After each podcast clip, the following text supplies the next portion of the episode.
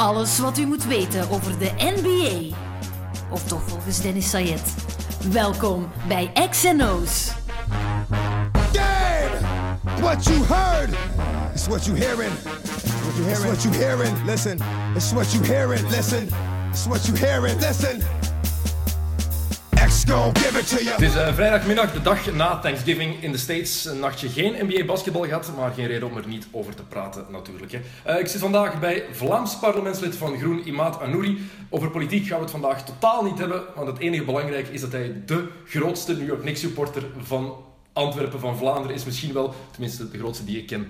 Uh, alleszins, Imad, hartelijk welkom. Ehm, het is een leuk seizoen voorlopig voor jou in de Knicks, hè? Het is... eh, 50 procent? ja, ja, lang geleden. Ik denk eh, dat het begin van vorig seizoen eh, er even sprake was van 50-50. Ik denk dat ze vorig seizoen tot 1921 zijn geraakt. Voordat ze een, eh, een enorme diep hebben gekend. Maar eh, dit jaar 7-7. Ehm, kijken, uitkijken wat ze vanavond zullen doen. En morgen, met het zijn twee matchen na elkaar. Dus eh, het kan heel snel 9-7 of 7-9 worden. Eh, enorme hype hè, voor het seizoen. Er niks opnieuw. Het is, al, het is vaak zo in New York. Het is net zoals in LA. Eh, dat heb je bij die historische ploegen natuurlijk. Eh Derrick Rose erbij, Joachim Noah erbij, Courtney Lee. Hele nieuwe ploeg. Wat vind je voorlopig van, van het begin van het, van het seizoen, van de eerste 14 matchen, van hoe ze spelen, hoe ze al geëvolueerd zijn? Want er is een gigantisch verschil als je kijkt naar de eerste match tegen Cleveland om het seizoen te beginnen en de laatste match die, die ze gespeeld hebben hè, tegen Portland. Ik denk, eh, tot nu toe is het te vroeg om iets te zeggen eh, over dit team. Ik ben er wel enthousiast over, net zoals veel mensen, omdat ja, je hebt ongelooflijk veel talent en je hebt een goede combinatie. Derrick Rose, er zijn ongelooflijk veel mensen die hem al hebben afgeschreven, die misschien terecht zeggen dat hij nooit meer de oude zal zijn, maar hij hoeft niet de oude te zijn. Hij, hoeft gewoon op, hij moet gewoon op niveau spelen. En wat mij betreft doet hij dat tot nu toe. Hij zorgt aanvallend voor heel veel penetratie, hij verdeelt het spel op zijn eigen manier ehm, en, en hij is aanvallend een impuls, sowieso. Ehm, Vind je dat echt dat hij het spel verdeelt? Want ik heb het gevoel, als ik ze zie spelen, in de fastbreak wel. In de fastbreak dan pusht het tempo en daarin is het een, een verademing voor de New York Knicks. Als je komt van de tijd van eh José Calderon, die altijd alles op een slakke tempo doet. Dat is nieuw, inderdaad, dat tempo dat erin komt. Maar of hij het zo verdeelt, het is en blijft Derrick Rose. Het is en blijft een score-first point guard. Hij kijkt wel voor zijn ploegmaats, maar ik heb toch nog altijd niet dat, dat, gevoel daarbij. Ah, wel, dat bedoel ik me op zijn eigen manier. Eh, hij scoort veel, hij gaat veel naar de ring, maar hij zorgt ervoor dat het tempo helemaal anders is dan vorig jaar, waardoor de ploeg veel meer aanvallend impulsen krijgt. En twee, hij zoekt wel die vrije man als hij zelf ziet dat hem, dat hem geen andere optie heeft, of soms is het gewoon zijn eerste keuze om die bal rond te spelen. Maar het is wel iemand die ontegensprekelijk veel meer naar de ring gaat dan een andere point guard die eerder altijd denkt van spel verdelen, spel verdelen, spel verdelen. Ik weet dat je zelf geen grote fan bent van bijvoorbeeld een Jennings, maar die heeft deze jaar van op de bank toch al twee keer eh, meer dan 10 assists gegeven.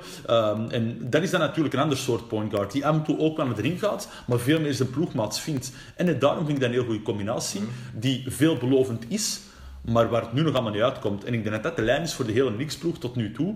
Dat is echt zo'n veelbelovende ploeg.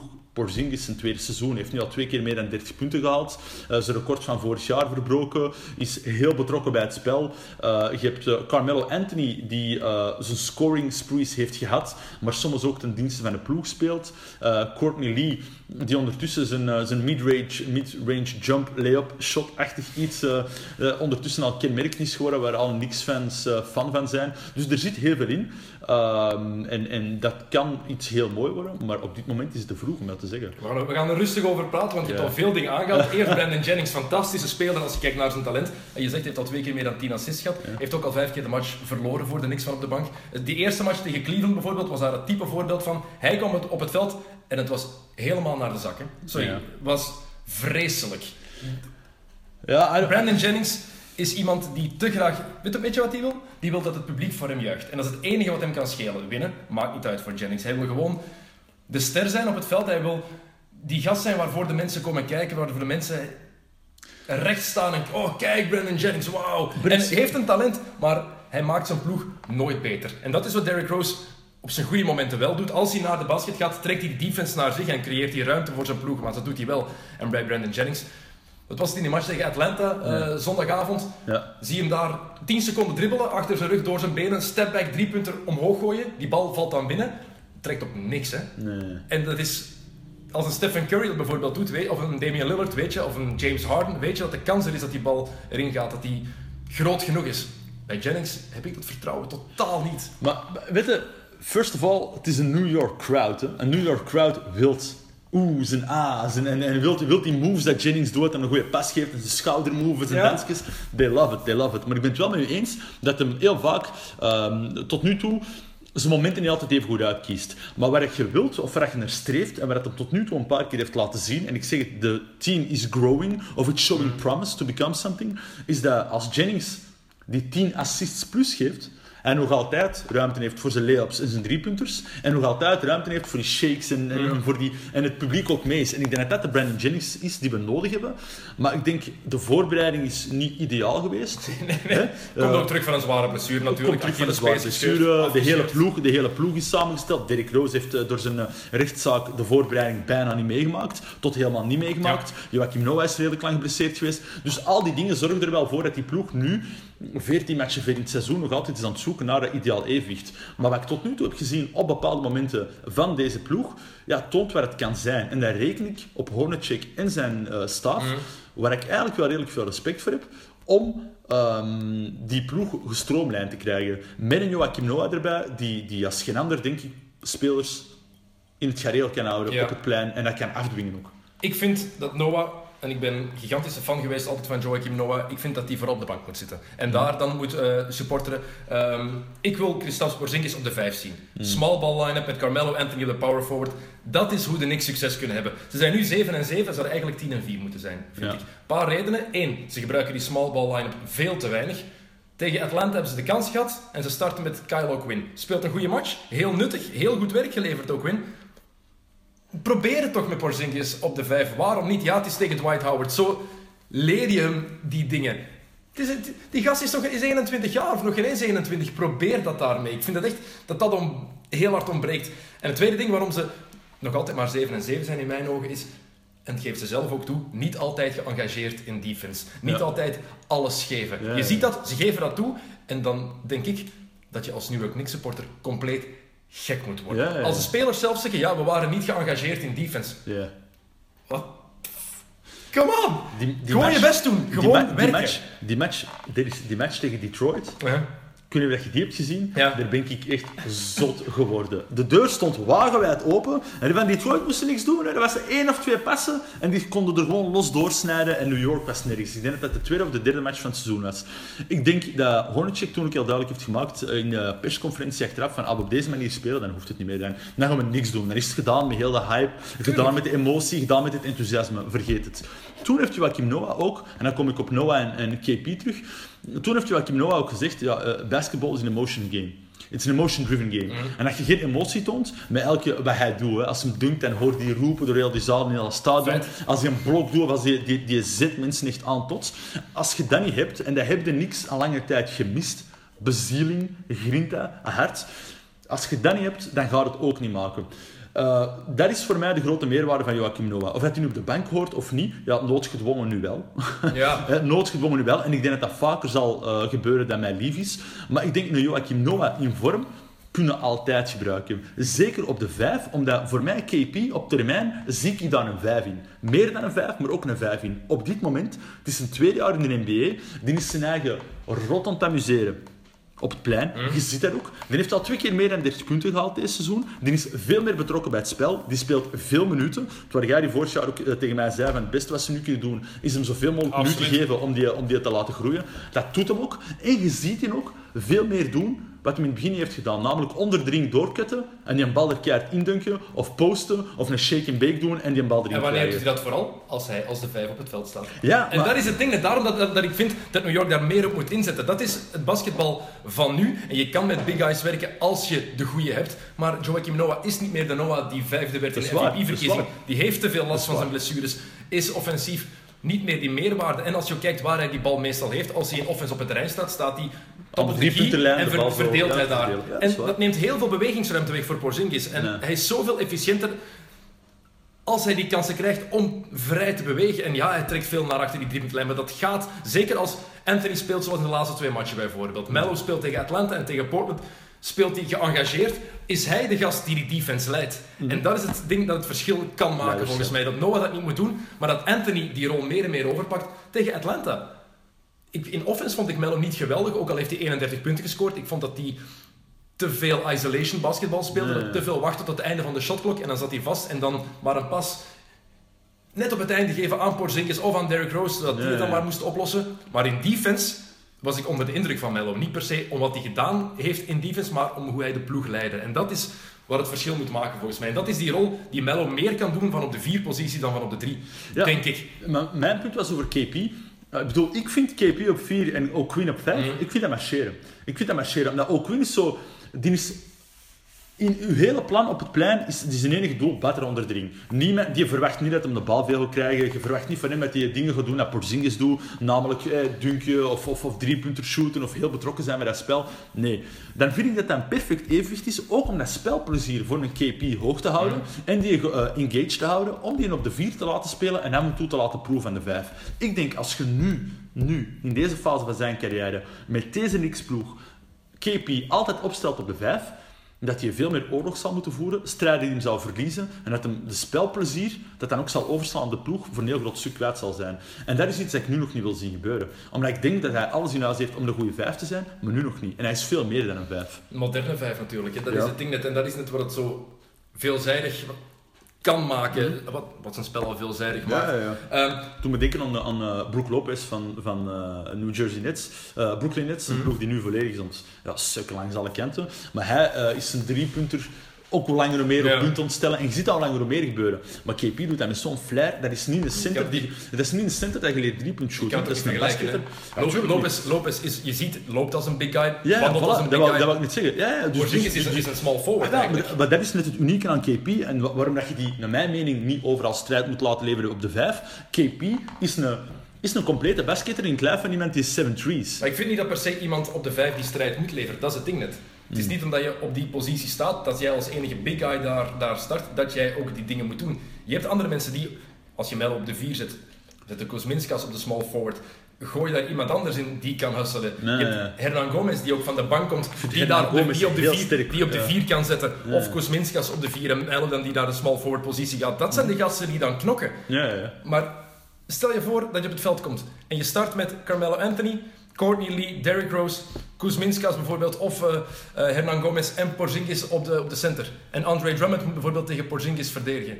Field day. Brook Lopez moet tegen Porzingis verdedigen. Field day. Robin Lopez. Je, je kan maar blijven doorgaan. Er zijn er weinigen die echt een antwoord hem, kunnen bieden. ja, ja. En ik denk dat het, als je zo begint, je houdt het niet vol. Je moet wel... e- Het is ook niet de hele match dat je op de vijf moet spelen. hè. Nee, nee. Maar ik denk dat dat New York nog gevaarlijker zou maken. En belangrijk, die combinatie met Carmelo Anthony. Ik heb het gevoel dat die chemistry tussen die twee beter en, en, en beter wordt. En Natuurlijk. de Knicks hebben Carmelo Anthony ook nodig. Hè. Porzingis heeft tien matchen zonder Melo gespeeld, heeft nog nooit gewonnen. Ja, ja. Zonder Carmelo Anthony en sinds Phil Jackson er is, ik heb het eh, daar straks opgeschreven, hebben de Knicks zeven keer gewonnen en 45 keer eh, verloren als Melo. Melo. er niet bij was. Ja, ja. Dus hij is belangrijk voor die ploeg. Maar dat vind, dat vind ik wel heel belangrijk dat je dat ook zegt, omdat er hoe langer hoe meer mensen zijn die, die van mening zijn dat Mello eigenlijk het probleem is bij de Knicks. Ik vind dat niet. Hij was het probleem. Wel, ik, vind, ik vind Mello van cruciaal... Het probleem van Mello is dat hij kan, ehm, hij kan een ploeg niet op sleeptouw nemen. Of niet op de manier wat van hem verwacht werd. Van ja, hij is de ster van de speler, hij gaat zijn ploegmaats beter maken. Dat kan hij niet per se. Hij kan wel eh, de, de missing link zijn om een ploeg volledig in elkaar te doen vallen. Maar hij kan zijn ploegmaats niet beter maken dan andere spelers zoals een Dwayne Wade vind ik persoonlijk wel kan. Hij mag niet de nummer één optie zijn. En dat is wat hij altijd wel is geweest. In, in deze ploeg is hij eigenlijk, of dat hem dat nu wil toegeven of niet, niet meer per se Denk, de denk, nummer dat? één. Ik denk dat wel. Wat ik van de niks gezien heb, vind ik dat nog altijd dat hij zich zo gedraagt en dat hij zo behandeld wordt Zo, door, de, wel, door zijn wel, door zijn coach, als de nummer één. Wat hij nodig heeft om te kunnen blijven presteren zoals hij presteert, maar op het veld zie je toch dat dat niet altijd zo is. Op het veld zie je dat Derrick Rose zijn momenten heeft, zie je dat KP zijn momenten heeft, en misschien zelfs zo langer nog meer zijn momenten heeft dan Mello. Zie je dat, dus en er is nog altijd ruimte voor Mello om ineens matchen volledig in brand te schieten, in vlam, in vlam te schieten en, en vijf of zes field goals naar elkaar te maken voor de niks. Dus ik zie daar hoe langer hoe meer een evenwicht, waar iedereen zijn ruimte heeft. Terwijl dat vroeger echt, die matchen waar dat Mello 61 punten haalde en de hele ploeg blij was. En dat je zelfs al niet meer weet wie dat de vier andere waren die mee op het plein stonden. Ja, die tijd is gedaan. Hè. Ja. En dat vind ik heel goed voor de niks. Maar ze moeten Porzingis nog belangrijker maken. Ja. hij is de hype en iedereen praat erover. Maar als Ja. je een match ziet, vind ik dat hij nog altijd te weinig gebruikt Ja, wordt. ja. Omdat hij zijn eigen kansen ook afdwingt. De laatste match is het al iets beter. De laatste komt hem toch onder de- onder de ring, iets- hè? Tegen Portland omdat hij, tuurlijk, omdat hij zichzelf ook profileert. Maar ik heb nog altijd het gevoel dat ze dat te weinig uit zichzelf doen. Dat het vooral van Porzingis zelf moet Ja, ja. komen. Maar gelukkig beginnen steeds meer die pick-and-roll, die pick-and-pop te spelen. Hij heeft dat afstandsshot, dus kan naar buiten gaan, Ja, kan inside stappen. Hij is 2,22 meter. Weet je wie dat ik, weet, weet dat ik denk, ook al is hij 2 meter 2, weet je wie dat ik denk dat de toekomstige eh five kan zijn van de Knicks? Ik denk dat Hernan Gomez, echt waar, ik meen hè, hoe dat hij heeft gespeeld de afgelopen matchen, de energy he brings, het bikkelen dat hij doet onder de ring. handen. En die is jeugdig, enthousiast, maar niet bescheiden. Hè. Die zit er al direct te coachen op plein. Die gast komt van Spanje. Mm. Die is pas beginnen basket toen hij hem tien was, denk ik, als ik het goed heb gelezen. Die zat er bij plein orders te geven, alsof hij al vijf jaar meedraait in de NBA. Veel meer dan eh, onze nummer 91, hè. Kuzminskas. Eh, Kuzminskas, waar dat jij eh, ook grote fan van bent. Ik heb het gevoel dat Hernan Gomez nu al veel meer zijn plek heeft gevonden. Misschien door zijn een goede vriendschap met, met, met KP. En omdat hij ook meer kansen heeft gekregen van het Ja. begin. hè. Kuzminskas is vaak de twaalfde man geweest. Hernan Maar Gomez is veel heeft al sneller dingen laten zien die heel mooi zijn. Daarom- Omdat Kuzminskas is zo hetgene dat de niks ook missen, die verfijnde technische basketter. Die er erin gaat, maar dat je denkt, oh, elke NBA-speler gaat nu zo powerplay doen en die ding. Nee, alle hij doet eens even van handje veranderen en die mooi technisch erin gooien. En die is super belangrijk. Die heeft een goede afstandsschot. Bas heeft een heel hoog basketbal-IQ vooral. Ik vind Ja. dat je dat merkt op het terrein. Ja. En dat is iets wat een voordeel kan zijn voor die ploeg. Ja. Want met Derrick Rose en Carmelo Anthony heb je pure talenten gewoon. Dat is zo, Ja. ondanks al die blessures die, die. Rose heeft gehad. Dat zijn individuele talenten.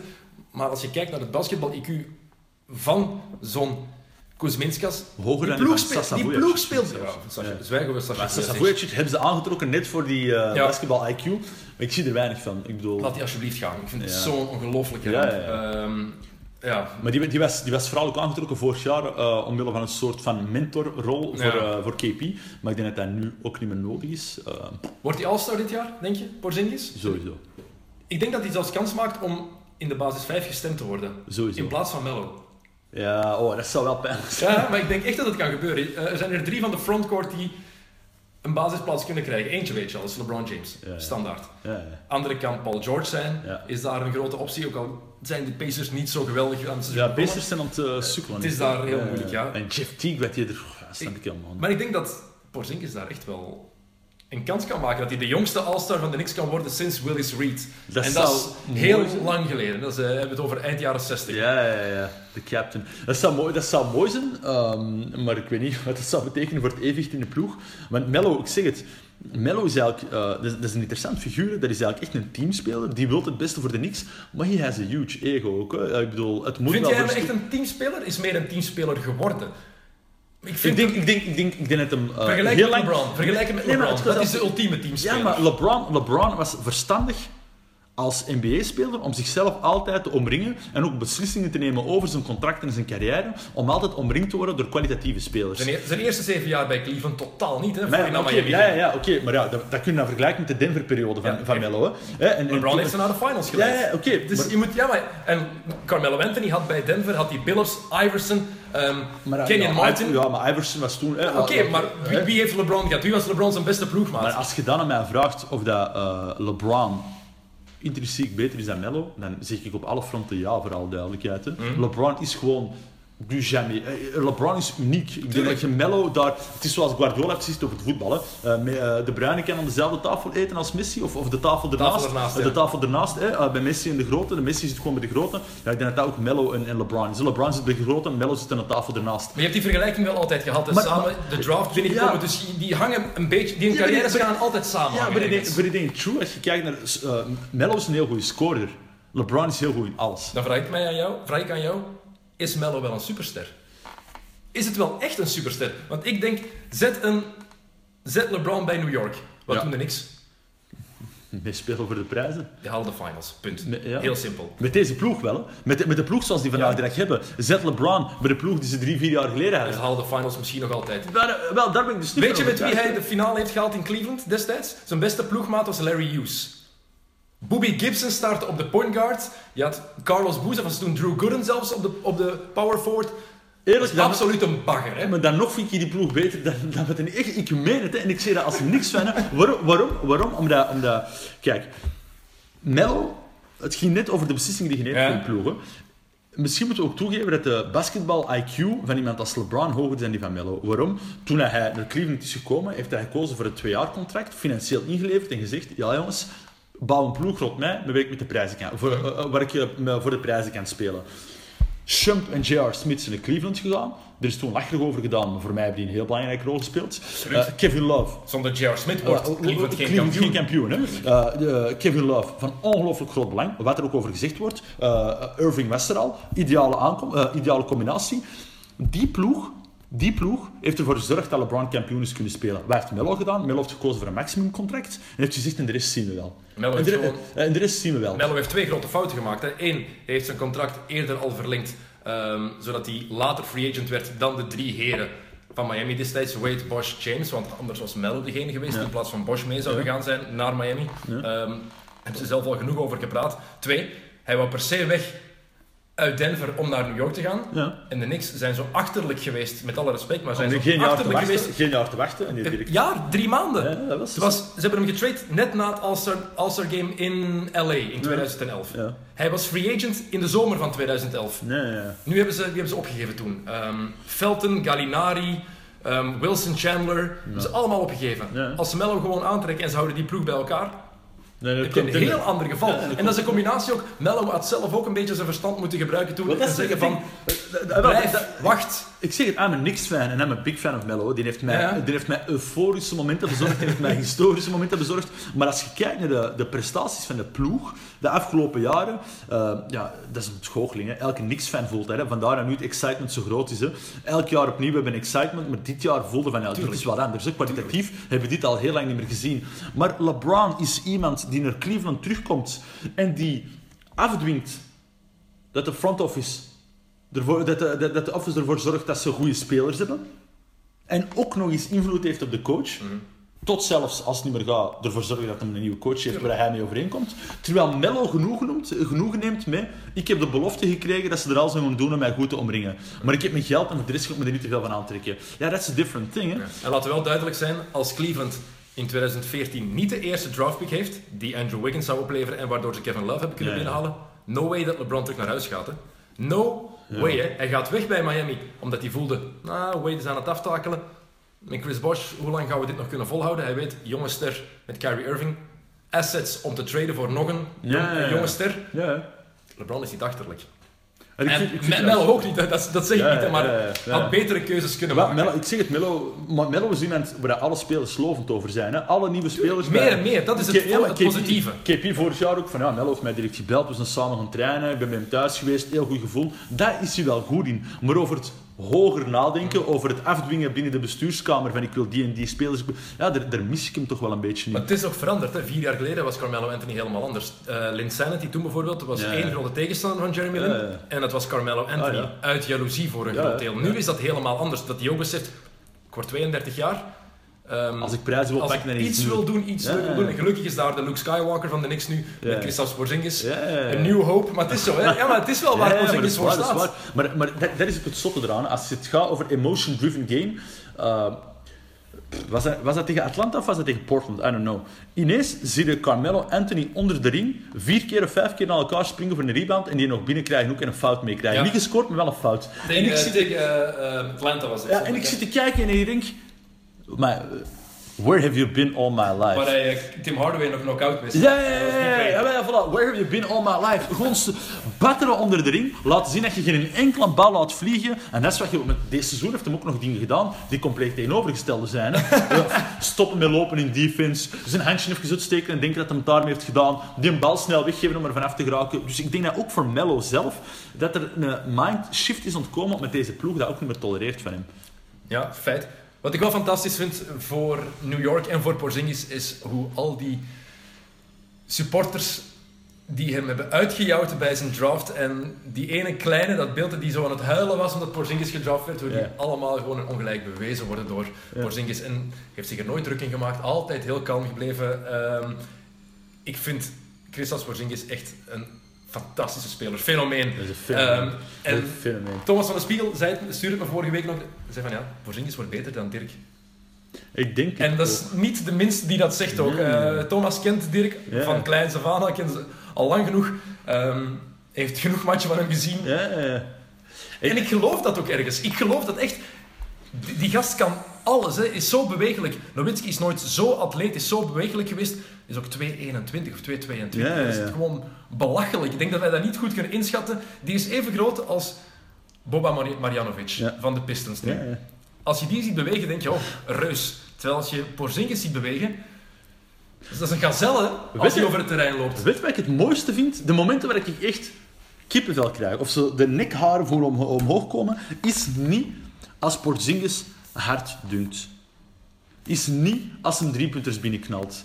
Is wel als hij naar de ring toe loopt en die een bal over de hoofd van eenders welke verdediger heen beweegt en rustig erin legt. Met, met, met, met bewegingsje naar links of rechts en dan rustig zo in de lucht nog een, nog een schijnbeweging doet en die een bal erin legt via layup of via, via het bord. Omdat, omdat je op dat moment beseft, die heeft een arsenaal aan bewegingen en wat je er tegenover zit, je kunt die niet afstoppen. En het, voordeel, het positieve is ook, hij heeft heel hard gewerkt deze zomer. Het is niet dat hij duizend extra moves heeft. Hè. nee. Hij heeft er één of twee geperfectioneerd en wordt... You only need one of two moves, Maar het zodat zo. niemand je mee kan Het afstoppen. is, en, ja, en als je 2,22 bent, Ja. heb je nog extra dingen. Die fadeaway van Dirk bijvoorbeeld, van Nowitzki, Ja, ja, ja. op zich is dat niet moeilijk. Maar omdat hij zo groot is, kan je dat helemaal niet afstoppen. En dat maakt het dubbel zo Maar het ding, interessant. het, ding, het ding over KP is ook, eh, die is zo gretig. Die is, die- dat is herkenbaar, hè. dat is een jonge gast die zo dankbaar is dat hij in de NBA zit. Die zo dankbaar is dat hij in de graafste stad ter wereld zit.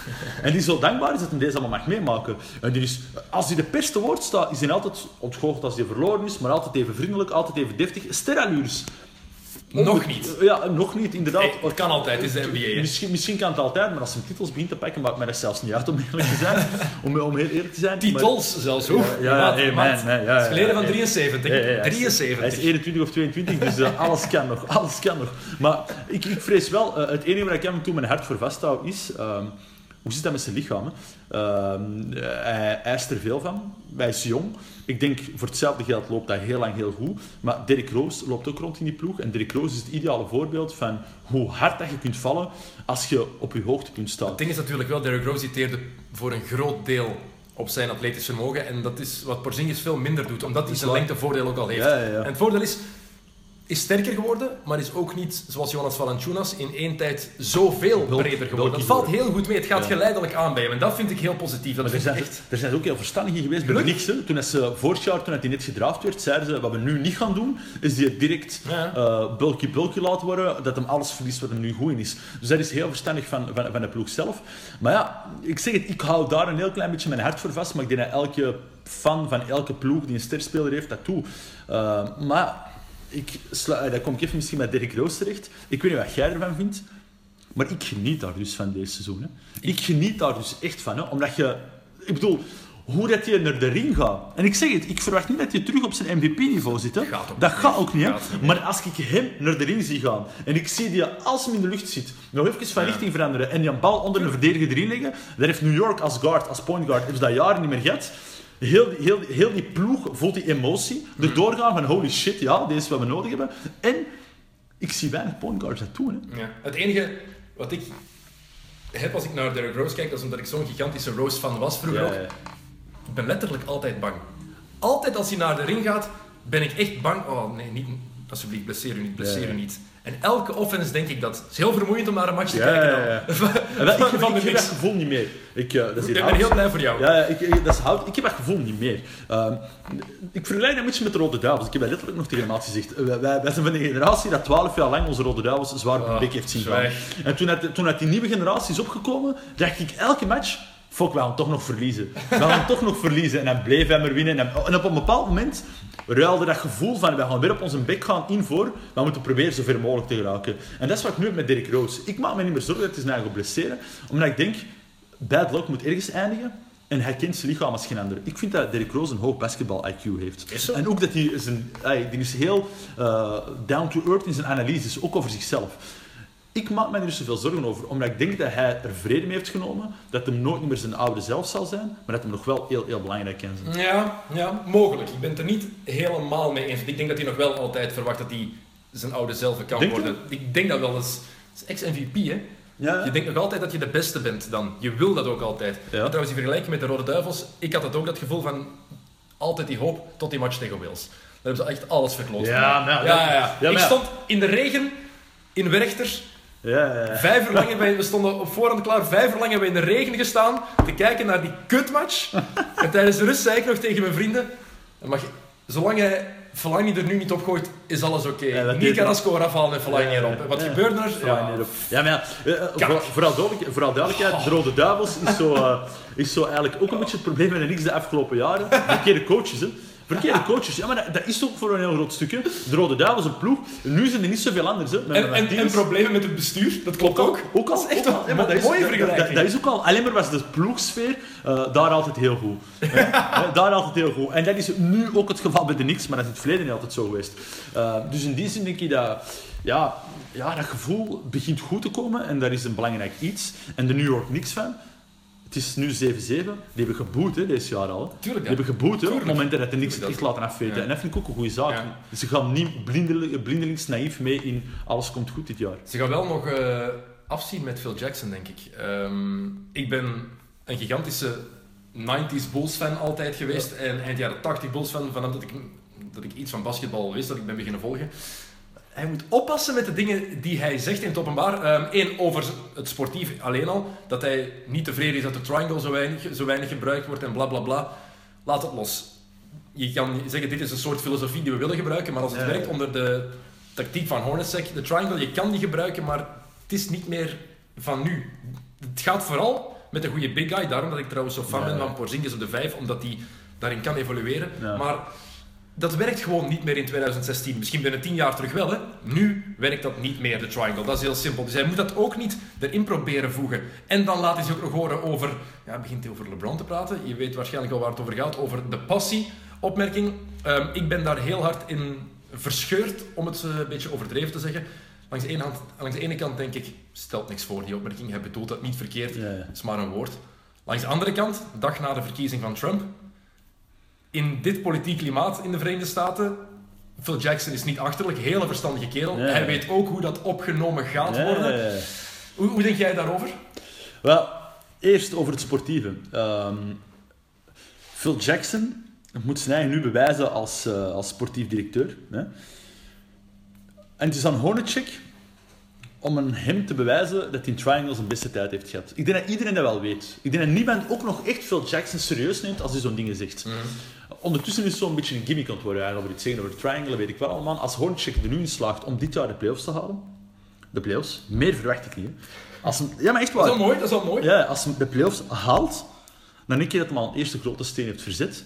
En dat Phil Jackson niet anders kan dan die krediet te geven. Want dan slaagt hij erin om iets te doen dat al jaren niet is gelukt. Hè? Of toch, hè, met, of dan slaagt hij erin om iets te doen dat al jaren wordt verwacht. Over dat sportieve, je leest heel veel. Hornacek zegt van, ja, ze hebben mij een uur lang eh, geïnterviewd bij, bij, bij, bij, de sollicitatie. Ik heb toen heel duidelijk gezegd, hè, we hebben het er vorige keer nog over gehad, ik heb toen heel duidelijk gezegd van wat ik vind van de triangle en hoe ik het zie. En ik dacht eerlijk gezegd niet dat ze mij gingen aannemen. Ik dacht eerlijk gezegd dat ze mij... En ineens krijg ik te horen dat ik de job heb gekregen. Hornacek heeft er nooit over gelogen. Hornacek is iemand die, vind ik, ook heel intelligent is. Zijn eigen verdiensten heeft. Een naam is die groot genoeg om niet zomaar opgeslokt te worden door iemand als Phil Jackson. En erdoor geïnstrumentaliseerd worden. Do what I say or get lost. Wat Derek Fisher wel had. Hè. Derek Fisher straalde echt uit aan de puppy of Phil Jackson. en als het wat moeilijk gaat, dan ging ik bij Phil op bezoek. En dan zeg ik, ja, wat moet ik nu doen? En Phil Jackson leidde de trainingen in Ah. New York ook vaak. Hè? Ah, wel, voilà. Dus- genoeg. Ja, dus in die zin is dat gewoon complete absurditeit. Nu is dat niet. Met Hornacek en een veel sterkere coach. En als hij bewijst dat zijn recept aanslaagt, dan gaat deze verdwijnen. Dan gaat deze verdwijnen. En dan gaat iedereen zeggen van, oké, zorg ervoor dat je de goede spelers hebt. Want het is hij, Phil Jackson, die KP heeft gehaald. Het is hij die deze ploeg bij elkaar heeft samengesteld. Eén snel even randopmerking. Ehm, als Russell Ja. of Okafor nog beschikbaar is en de Knicks hebben de pick, ze gaan niet voor Porzingis. Ja. Ik ben, ben er zeker van Ja. dat Jackson voor Okafor of Russell gaat. Dat weet ik dus nu. Hè. Dat is, achteraf is dat makkelijk gezegd, maar... Toen het werd, is- dat, toen werd dat ook al gezegd. maar het hè? is KP die zelf heeft gezegd van ja, eh, Phil Jackson is al veel langer geleden naar mij toegekomen, zei dat ze super geïnteresseerd waren, dat ze eigenlijk wel voor mij willen kiezen, dat ze voor mij willen gaan. Dus die liefde was er wel al. Ja. Die liefde was er wel al, terwijl heel Amerika dacht... "Pff, Toen die gasten nu eigenlijk. En het klopt, hè. het was pas de vierde pick. Je weet niet wel als nummer 3 of 2 was dan New York of nummer 1. Hadden ze dat dan wel gedaan of niet? Ik ben heel blij dat de dingen zijn gelopen zoals ze nu zijn gelopen. En, en hey, Phil Jackson heeft de ploeg zoals die nu is ook bij elkaar is eh, samengeraapt. Hè. We gotta give him credit for that. Dat is een ploeg die op papier heel mooi oogt en waar heel veel perspectief in Ja. Als het gaat over die andere uitspraken, ah man, I think that's just stupid. Ik denk eerlijk gezegd niet dat hij dat verkeerd bedoelt. Maar ik denk wel dat die mens te oud is ontwonnen om nog echt waar, om nog te veel zijn mond op te doen in het publiek. Ik denk dat, echt, ik denk dat hij heel veel basketball IQ heeft op zijn eigen manier, maar dat hij misschien niet altijd even goed weet wat er maatschappelijk is aan het gebeuren. Mogelijk. Ja. Is, dat, dat, is- dat, is mijn, dat is mijn persoonlijke gevoel. De, die heeft zijn hoogtepunt gehad, niet bij, eh, ja, wel, wel bij MG, eh, maar ook bij Kobe en, en, en eh, bij de Heeft Lakers toen. eh? Vanaf Dus- 1990 tot en met 2011 bij. Ja, maar ja, maar, maar, eh, toen, 20 jaar lang. toen het ongenaakbaar was, toen het hem via zijn boeddhistische, ik Ja. wat allemaal, eh, s- standaarden... Is hij weer aan het doen, Heeft de spelers van de Knicks weer eh, mindfulness boeken gegeven vorige wel. week. Maar ik denk, dat niet, ik denk dat hij nu niet erop zit dat hij zegt van elke week doen we die en die en die oefeningen, dat weet ik wel allemaal. Nee. Niemand neemt dat, hè. de Jurgen Klinsmann hè, van, in voetbal en, en Phil Jackson in, in, in basketbal, dat niet meer. Dus ik denk dat het voor een heel groot stuk out of sync is met wat er nu allemaal maatschappelijk gebeurt. En die possie-opmerking, ja, ik ben bereid om, om dat wel te zien zoals het is, een domme uitspraak, niet meer dan dat. En daar, ja, in Amerika is het is ergens logisch dat ze daar meer gewicht aan maar dat geven. snap ik wel. Ik vind, wel. ik vind ook wel terecht dat er, dat er meer gewicht aan gegeven wordt, maar ik schat het wel in als, als, als, als een domme uitspraak van Phil Jackson is de hippie. Hè. Ja. Phil Jackson was een speler die in de jaren 70 bij de New York Knicks eh, snapte, de white guy, eh, de, de, white Afro-American bij wijze van spreken. Hè. Een hippie en een kerel die dat... Hè. Dus in die zin... Ja, Joint, joint de paffen naar volontair. ja, maar dat, was Phil Jackson, ook- ja, niet van onzel een over hippie, doen. Dat was echt een hippie van je welste. Uh, dus ik denk in die zin dat dat een, zeker een domme uitspraak is, dat dat goed is, dat hij dat ook voelt dat dat een domme uitspraak is. Ah, wel, en dat vind ik dan het jammer, dat hij zich daar niet voor verontschuldigt. Hij, weet, hij, hij hoort de heisa ook, hè, die Ja. daar rond is. En als je het dan toch niet verkeerd bedoelt, zou ik als eerste reactie hebben... Oké, LeBron, bel LeBron, stuur LeBron. Ja, ja, ja. Het is geen probleem voor Jackson om daarmee in contact te komen. Heel gemakkelijk. gedaan, nee, want dan, was het sowieso uitgekomen. Dan had LeBron die duidelijk laat merken in de media dat zegt... Ik had respect voor hem. Als Jackson dat doet en een gesprek met hem aanknoopt... Dan gaat James ook wel duidelijk zeggen van... Hey, hij heeft mij gebeld, het is van de baan. Dat is niet gebeurd. Maar misschien, eh, misschien komt dat... Ik hoop als dat er nog van komt. Hoe dat je dat draagt of keert, dit is een smit op zijn blazoen. Goed, Phil Jackson, ja, vreemd figuur. Eh, we zullen het daarop, daarop laten. We Eh, zullen zien, we zullen zien wat er gebeurt. nog iemand die mij heel ja, positief bevallen is dit jaar is Justin Holiday. Ex-speler van OKP All-Star. Heeft in ons land gespeeld. Ja, ja. Ehm, en nu bij de Knicks. Voor zo wordt het manusje van alles, maar het is wel wat hij, wat hij doet. Hè. Het is een hele nuttige speler en voor mij de ideale starting small forward als je Porzingis op de vijf zet. Ik, weet, ik ben het helemaal mee eens, alleen maar niet over die starting. Omdat ik, het graven vind ik aan, aan iemand als Justin Holiday, is die een hustle. Ik heb het al gezegd. Die, eh, die een- is zuiver van op afstand, heeft een goede afstandsschot, maar is ook niet te, eh, te vies om onder de ring wat te gaan batteren of achter elke bal heen te gaan. Is toch Dus- perfect dan? Ja, dan, ja. dan moet Porzingis dat niet meer doen. Ja, maar Dus dat lost dat dan op. wie, wie zou jij dan aanvallen? Courtney Lee? En dan, en dan was No- Noah? Noah op de bank. Je start met Rose, Lee, Holiday, Anthony en Porzingis. Ik denk als Noah, vooral nu in deze overgangsseizoen, waaraan ik hoop dat ze de playoffs gaan halen hè, en daarna, moeten ze beginnen bouwen, denk ik dat Noah te belangrijk is om er niet in te zetten als je hem erin kunt zetten voor de state of mind. If you want to create a winning team, dan heb je iemand op dat, ploeg, in, op dat plein nodig dat continu voor elke bal wil gaan en kwaad wordt op u en u uitkijkt als je dat niet doet. En dat, dat moet de rol worden van Mello. Voor Ja. mij. En dat is meer en meer aan het worden. Die ene play die jij daarnet aanhaalde. Tegen, Tegen tegen, Atlanta. Atlanta. Tegen Atlanta, Dat is wat ik bedoel. En dat is hoe hij zich verder moet evalueren in mijn ogen. Met natuurlijk zijn shooting bij. Hij blijft een scorer. Gaat hij ook Ja. altijd blijven doen. Ik denk dat je Justin Holiday ook geen cadeau doet door die nu starter te maken. Omdat je die ook tijd moet geven om erin te groeien. Is dat, is dat op termijn misschien iemand die je eraan zou kunnen zetten? Ja, maar niet op deze moment. Omdat je nu, wat hij nu doet, er is iedereen fan van. Hè? Maar als je die nu laat starten, denk je dat dat geen cadeau is. Wat wel opvallend is, vind ik, dat al die new guys, die nu, hè, de Benson, eh Hernan Gomez, eh Kuzminskis, Holiday, dat die voor een heel groot stuk iemand waar ik toch wel lange tijd eh, veel van heb verwacht, volledig doen wegkwijnen. En dat is eh Lance Thomas. Is ook geblesseerd natuurlijk. Ja, maar Komt toen, er ook toen, ik hem, toen dat hem speelde zelf, was dat niet meer de benchplayer waar dat je eh, Nee. enthousiast van werd. Hè. Dan was dat inderdaad een Holiday, dat was inderdaad een eh, Hernan Gomez, ik blijf erbij. Maar, Holiday fan. en Hernan Gomez hebben wel nog een, een, een shot, een touch. En dat is iets wat Thomas te weinig heeft. Ja, het is een harde piklaar, maar er komt weinig uit. Daar heeft hem, daar heeft hem eigenlijk een beetje gemeenschappelijk met Carlo Quinn. Terwijl dat Carlo Quinn eigenlijk aanvallend wel meer in zijn mars heeft, vind ik, dan, dan, dan, eh, dan Lance Thomas. Maar ja, Holiday, ik zeg het, en dan ook heel dat persoonlijk vooral met zijn broer, hè, Drew, Ja. En die zijn vrouw dan, en, en die dan nu juist terug is beginnen spelen. Dat vind, dat, dat En de het- Pelicans terug doet winnen trouwens. ja, ja, ja. Even terzijde, niet onbelangrijk. Ja, ja, ja. Anthony Davis kan terug lachen. Ja, Anthony Davis, ja, maar daar, daar hebben wij het de vorige keer ook eens over gehad.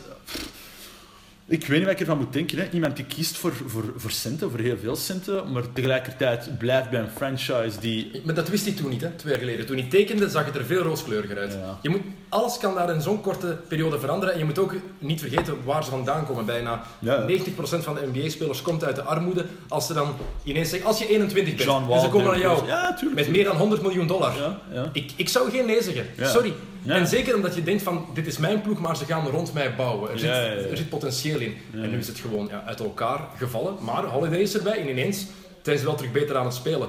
Dus ik denk dat er wel...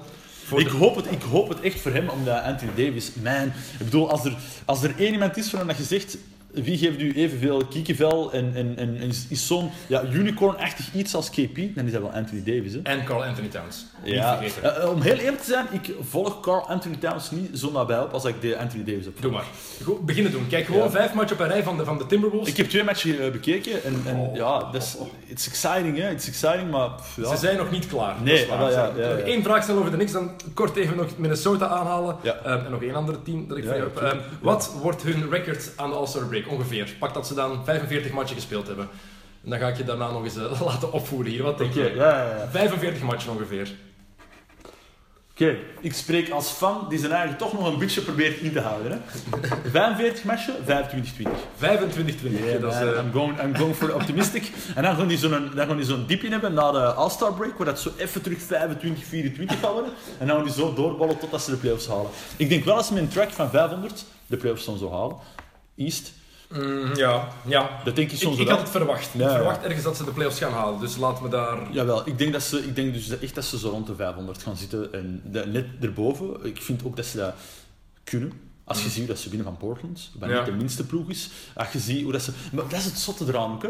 Eh, je ziet ze spelen tegen Detroit en je denkt... Holy fuck, die gaan echt niks doen dit jaar. En je ziet die spelen tegen Portland en je denkt, die kunnen eigenlijk van eenders wie. Dat is de hè. Dat is het Jawel, ja, ja. En dat is, dat, waarom, dat is waarom dat ik nog geen duidelijke mening over de Knicks kan hebben, omdat het nog te wisselvallig is. En dat is bijvoorbeeld waarom ik over Minnesota grote zorgen begin te hebben. Ehm, mijn nieuwe coach met Tom Thibodeau, Ja, ja. coach die ik altijd geapprecieerd heb, ook al geeft hij zijn jonge spelers te veel minuten. Ja, ja, ja. Dat is weer te extreem. ja.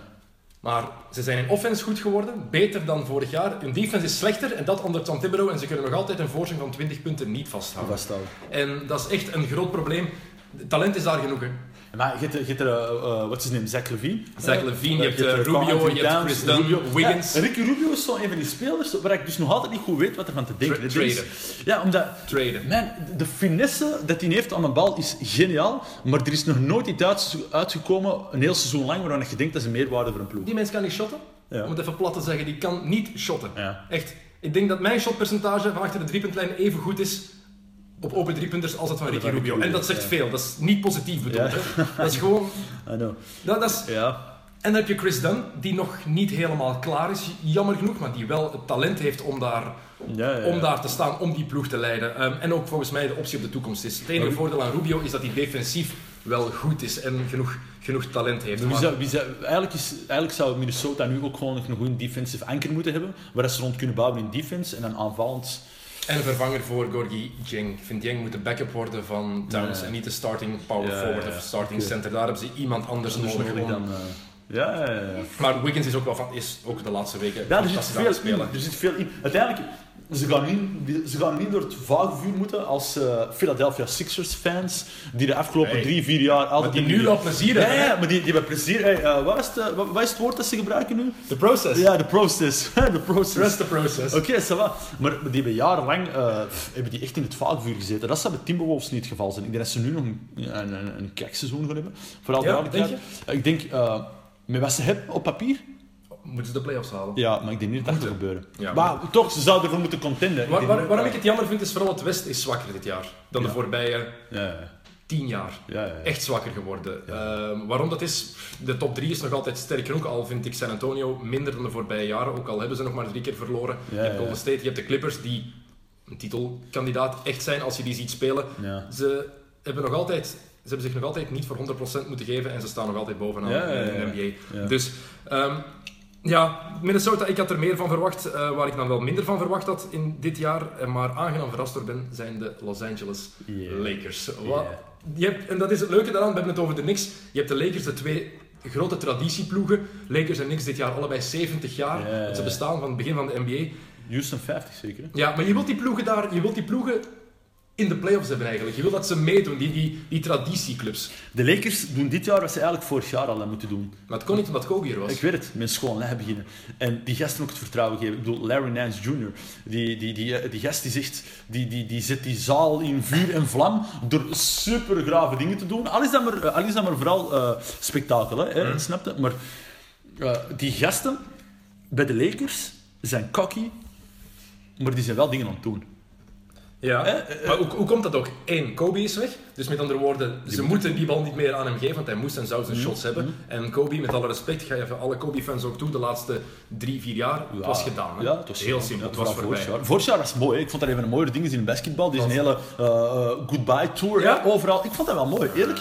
Dat, dat je nog een seizoen zegt, deze is mijn laatste seizoen. En je wordt aangekondigd door de, door de omroeper in stadia waar je gaat spelen. Met zo'n mooi eerbetoon. Sorry, ik heb een paar keer dat ik echt dacht van ja, deze is super mooi. Net zoals trouwens Derrick Rose en Joachim Noah toen die deze jaar bij de Ja. Terecht kwamen. Hè. It shows class. Ik, ik, ik kan er bij Kobe niet tegen, omdat het de grootste hater was altijd. Die wou dat i- de grootste villain, alle uitploegen moesten hem haten, alle arena's. En ineens van hielden ze allemaal Ja, van hem. dat is niks van hè. nou, la- geef mij maar de Tim Duncan approach. ja, ja, ja. Gewoon ik stop, ik ben weg. Ineens, ineens stoppen. Ja, Ehm, ja, ik weet het niet. Maar het ding is wel nu, als je kijkt naar eh, Russell, hoe dat is zijn eigen aan het amuseren, Young, Larry Nance Jr., er zit iets in die ploeg. En ik denk dat de Lakers supporters, die altijd heel kritisch zijn, ook wel... Uh, they're trusting the process, om het in de Sixers termen te zeggen. Niemand verwacht dat die er deze jaar staan. Iedereen ziet wel dat dingen zijn aan het bouwen. En niet vergeten, Luke Walton is daar heel belangrijk in. Ja, Hij is assistentcoach van, eh, de, van de Ik Warriors. denk dat die overwinning tegen de Warriors trouwens heel veel heeft gedaan. Ja, en dan hebben ze, heb je gezien hoeveel ze er vorig jaar Ja. hebben tegengekregen tegen, de, tegen Ja. de Warriors? Ja. 149. Hè? Ja? Wat te belachelijk is trouwens, 149 Ja, dat is punten. gewoon het opgeven ergens halverwege de nee, match. het is gewoon doen, de trend dit seizoen duidelijk. De topploegen scoren zoveel punten. Eh driepuntshot is nog belangrijker geworden. Steeds meer ploegen beseffen dat het beter is om 30% van je driepunters te scoren dan 50% van je Wat vind je van. Golden State tot nu toe? Nog altijd aan het zoeken. En dat is het, iets waar heel veel ploegen zich zorgen over moeten maken. Ze hebben de laatste acht matchen meer dan 30 assists gegeven. Ja. En toch spelen ze nog niet echt op volle kunnen. Ze scoren 149 punten en spelen eigenlijk maar aan 75% of nog niet. Ja, ja, ja. Ik heb Be gisteren... very afraid. Ik heb gisteren Echt? ik heb gisteren echt een, een, een heerlijke tweet uh, geretweet van, van uh, Zach Harper. En uh, het was... I hope, I hope the Durant in your life leaves so you can become the Westbrook you deserve to be. Maar dat is wel het graaf eraan. Durant gaat weg.